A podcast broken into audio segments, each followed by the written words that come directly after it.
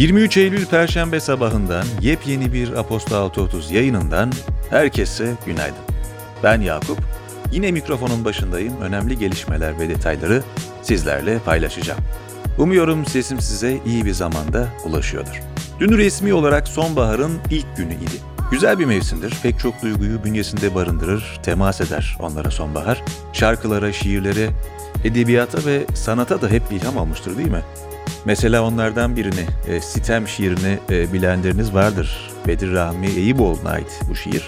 Önde zeytin ağaçları arkasında yer. Sene 946 mevsim sonbahar der Bedir Rahmi bu şiirinde. Bu şiirin bestelenmiş halini Erol Evgin ve Ceylan Ertem'in harika yorumuyla da dinleyebilirsiniz. Bugünün önerisi de benden bu olsun.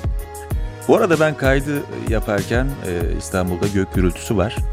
Yer yer toprak kokusu da alıyorum. Sanki yavaştan yerler ıslanmaya başlamış.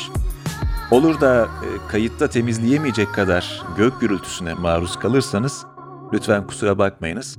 Bir ölçüde yayına sanıyorum doğallık da katar. Arada bir gök gürültüsüne ya da anlamlandıramadığınız bir sese maruz kalırsanız sebebinin bu olduğunu biliniz lütfen. Şu anda kulaklarınıza ulaşan bültenin destekçisi Akbank Jazz Festivali. Pozitif işbirliğiyle gerçekleştirilen ve Avrupa'nın en prestijli caz festivallerinden biri olan Akbank Jazz Festivali, 31. yılında 10 farklı mekanda birbirinden özel performansları ev sahipliği yapmaya geliyor. Ayrıntılar bültende. Piyasalar ve ekonomi. Türkiye İstatistik Kurumu, Eylül ayı tüketici güven endeksi verilerini yayımladı. Mevsim etkilerinden arındırılmış tüketici güveni Eylül'de bir önceki aya göre %1,8 oranında artarak 79,7 değerine yükseldi. Gelecek 12 aylık döneme ilişkin hanenin maddi durum beklentisi endeksi Eylül ayında %0,5 oranında artıp 79 seviyesine gelirken genel ekonomik durum beklentisi endeksi ise %5,3 oranında artarak 79,3 oldu. Peki ne anlama geliyor bu veriler?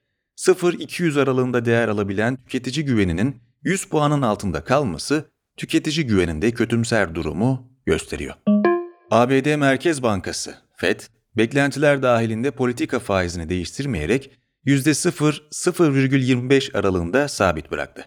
Ekonomideki istihdam ve enflasyon hedeflerine doğru ilerlemenin devam etmesi durumunda varlık alım hızında yavaşlamanın sinyalini veren FED, aylık varlık alımlarını 120 milyar dolar olarak devam ettirdi. ABD Temsilciler Meclisi'nde federal hükümete 3 Aralık'a kadar finansman sağlayacak ve ülkenin borçlanma limitini 2022'nin sonuna kadar askıya alacak bütçe tasarısı 211'e karşı 220 oyla kabul edildi. Bir sonraki adımda eğer Senato borç limitini askıya almazsa ABD'nin Ekim ayında temerrüde düşme tehlikesi bulunuyor. Çin Merkez Bankası, Evergrande'in borç krizinin küresel piyasaları etkilemesi endişesi nedeniyle bankacılık sistemine 18,6 milyar dolar sürdü. Banka politika faizini de sabit tutma kararı aldı. İş Dünyası Ulaştırma Bakanı Adil Kara İsmailoğlu, Çanakkale Boğazı'na inşa edilen ve 18 Mart 2022'de açılması beklenen 1915 Çanakkale Köprüsü'nün geçiş ücretinin 15 avro olacağını açıkladı. Kara İsmailoğlu, bölgeden gemiyle geçişlerde 85 lira ödendiğini ve uzun süre beklendiğini belirterek, bunu Çanakkale'yi ve bölgeyi kullanan vatandaşlarımız iyi bilirler. Köprü bittikten sonra 6 dakikada geçecekler, dedi. CHP'den Deniz Yavuz Yılmaz'ın Ulaştırma ve Altyapı Bakanlığı'ndan Mart 2020'de aldığı bilgiye göre maliyeti 7 milyar 145 milyon liraya karşılık gelen köprü için günlük 45 bin araç geçiş garantisi verildiği ve sözleşmenin 5,5 yıllık yapım süresi dahil 16 yıl olduğu biliniyor. ABD Adalet Bakanlığı ve 6 eyalet, American Airlines ve JetBlue Airways'in ortaklığını yolcular için fiyatları artıran ve seçenekleri azaltan bir ittifak oluşturdukları iddiasıyla durdurmak için antitrust davası açtı. İki havayolu şirketi de dava ile mücadele edeceklerini söyledi. İki şirket, geçtiğimiz yıl Boston ve New York şehrindeki dört büyük hava alanında faaliyet gösteren Kuzeydoğu İttifakı'nı oluşturmuştu. Pandemi nedeniyle hava yolculuğu satışlarının azaldığı dönemin ardından şirketlere açılan bu dava, kar etmelerine yardımcı olacak anlaşmaya büyük darbe olarak yorumlandı. Öte yandan ABD Adalet Bakanlığı'na göre American Airlines'ın da dahil olduğu 4 şirket ülkedeki hava yolculuğunun %80'ini kontrol ediyor. Davanın havayolu şirketlerinin hakimiyetini azaltmak amacıyla açıldığı da belirtiliyor. Hollanda merkezli enerji şirketi Vitol Group, Çin merkezli elektrikli araç ve batarya üreticisi BYD Co ile şehirlere, şirketlere ve organizasyonlara elektrikli araç ve şarj istasyonu hizmetleri sunmak amacıyla 250 milyon dolarlık ortak girişim kurduğunu duyurdu. Amazon, COVID-19 aşısı olduğunu kanıtlayan çalışanları arasında gerçekleştirdiği bir çekiliş sonucunda otomobil ve 100 bin dolar hediye ettiğini açıkladı. Şirket, 7 ve 14 Ekim'de birer çekiliş daha yapılacağını, katılmak isteyen çalışanların çekiliş sayfasına aşı olduklarını kanıtlayan belgelerini yüklemeleri gerektiğini belirtti. Politika Türkiye'nin Cumhurbaşkanı Erdoğan'ın 29 Eylül'de Rusya Devlet Başkanı Vladimir Putin ve İran Cumhurbaşkanı İbrahim Reisi ile gerçekleşecek görüşmesi öncesinde Suriye'nin kuzeybatısına yeni askeri birlikler gönderdiği öne sürüldü. Diğer yandan Cumhurbaşkanı Erdoğan'ın Birleşmiş Milletler Genel Kurulu'nda Türkiye'nin Kırım'ın ilhakı ve Ukrayna'nın toprak bütünlüğünün korunması konularındaki sözlerine ilişkin Rusya Dışişleri Bakanı Dimitri Peskov, Cumhurbaşkanı Erdoğan'ın Rusya'ya iş ziyaretinin hazırlıklarının yapıldığı bir dönemde dile getirilmesinden üzüntü duyuyoruz yorumunu yaptı. CHP lideri Kemal Kılıçdaroğlu, MHP lideri Devlet Bahçeli'nin HDP'yi meşru organ görmek demek, PKK'yı muhatap almak demektir. Kürt sorunu diye bir sorun yoktur sözlerine, bu ülkenin sorunları var mı? Evet sorunları var. Sorunlar kronikleşmiş. Bugüne kadar çözülmemiş. Bir sorun varsa sorunu çözecek olan organ TBMM. TBMM'den daha büyük güç yoktur şeklinde cevap verdi. Öte yandan terör örgütü PKK lideri Abdullah Öcalan'ın avukatları, hiç kuşkusuz Kürt sorununun onurlu bir çözümüyle demokratik bir gelecek inşası için en önemli muhatap Sayın Öcalan'dır dedi.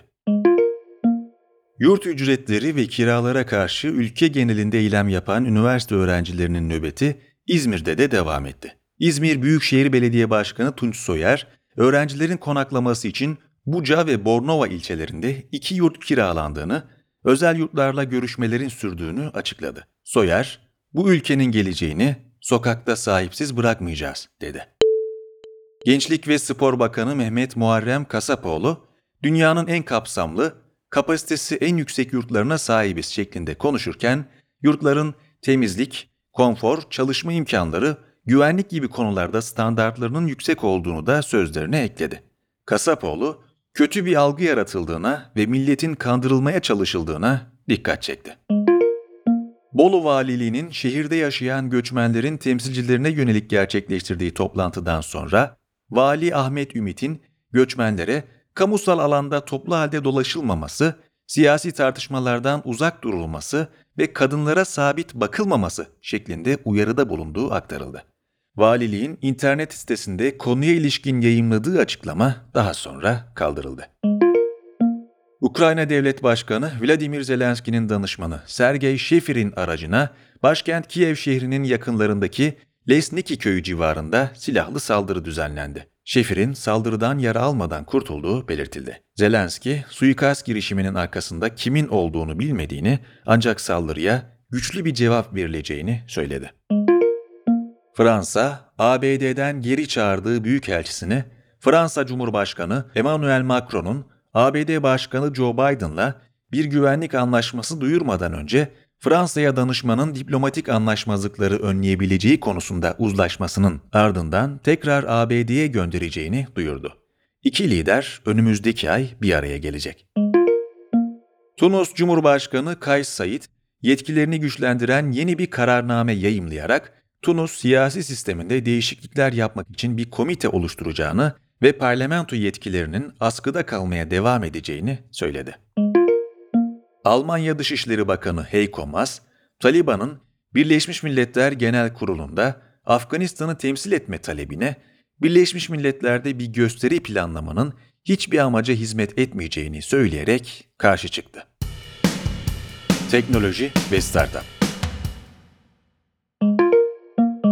Facebook, 2016'dan bu yana platformda zararlı içeriklerin paylaşılmasını engellemenin de dahil olduğu güvenlik ve gizlilik önlemleri için 13 milyar dolar yatırım yaptığını ve 40 binden fazla kişiyi bu göreve atadığını açıkladı. Haber doğrulama şirketi NewsGuard'ın araştırması, TikTok'un platforma kaydolan çocuklara neredeyse hiç uyarı vermeden COVID-19 hakkında yanlış ve tehlikeli bilgiler verdiğini ortaya koydu. Yaşları 9 ila 17 arasında değişen 9 çocukla yapılan araştırmada aşıların ölümcül olduğu ve COVID-19'un bir soykırım komplosu olduğunu iddia eden videolarda dahil birçok içeriğin arama dahi yapmadan kullanıcıların önüne düştüğü görüldü. Twitch, Ulusal Müzik Yayıncıları Derneği ile Twitch ve müzik yayıncıları arasında verimli ortaklıklar kurmak amacıyla bir anlaşma imzaladığını duyurdu. Spor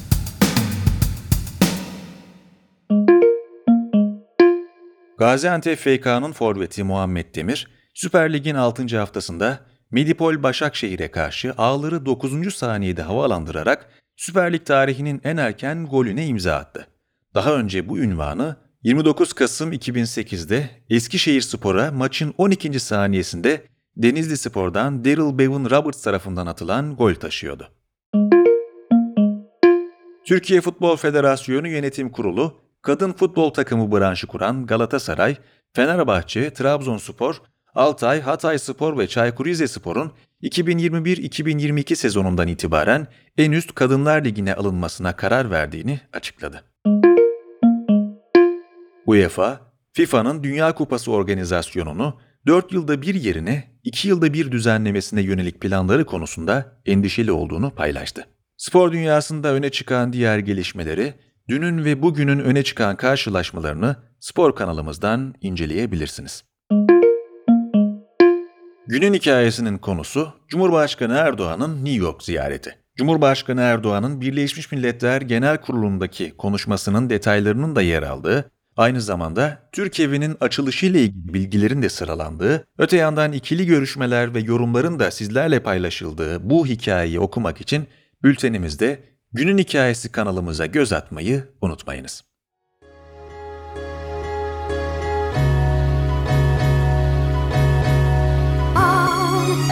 Bu haftalıkta benden bu kadar. Perşembe gününün Aposta 6.30 yayınını dinlediniz. Bugün 23 Eylül. Umuyorum güzel, keyifli bir gün geçirirsiniz. Haftaya tekrar mikrofonda salı ve perşembe günlerinde ben olacağım. O vakte kadar kendinize iyi bakın, sağlığınızı ihmal etmeyin lütfen. Görüşmek üzere, hoşçakalın.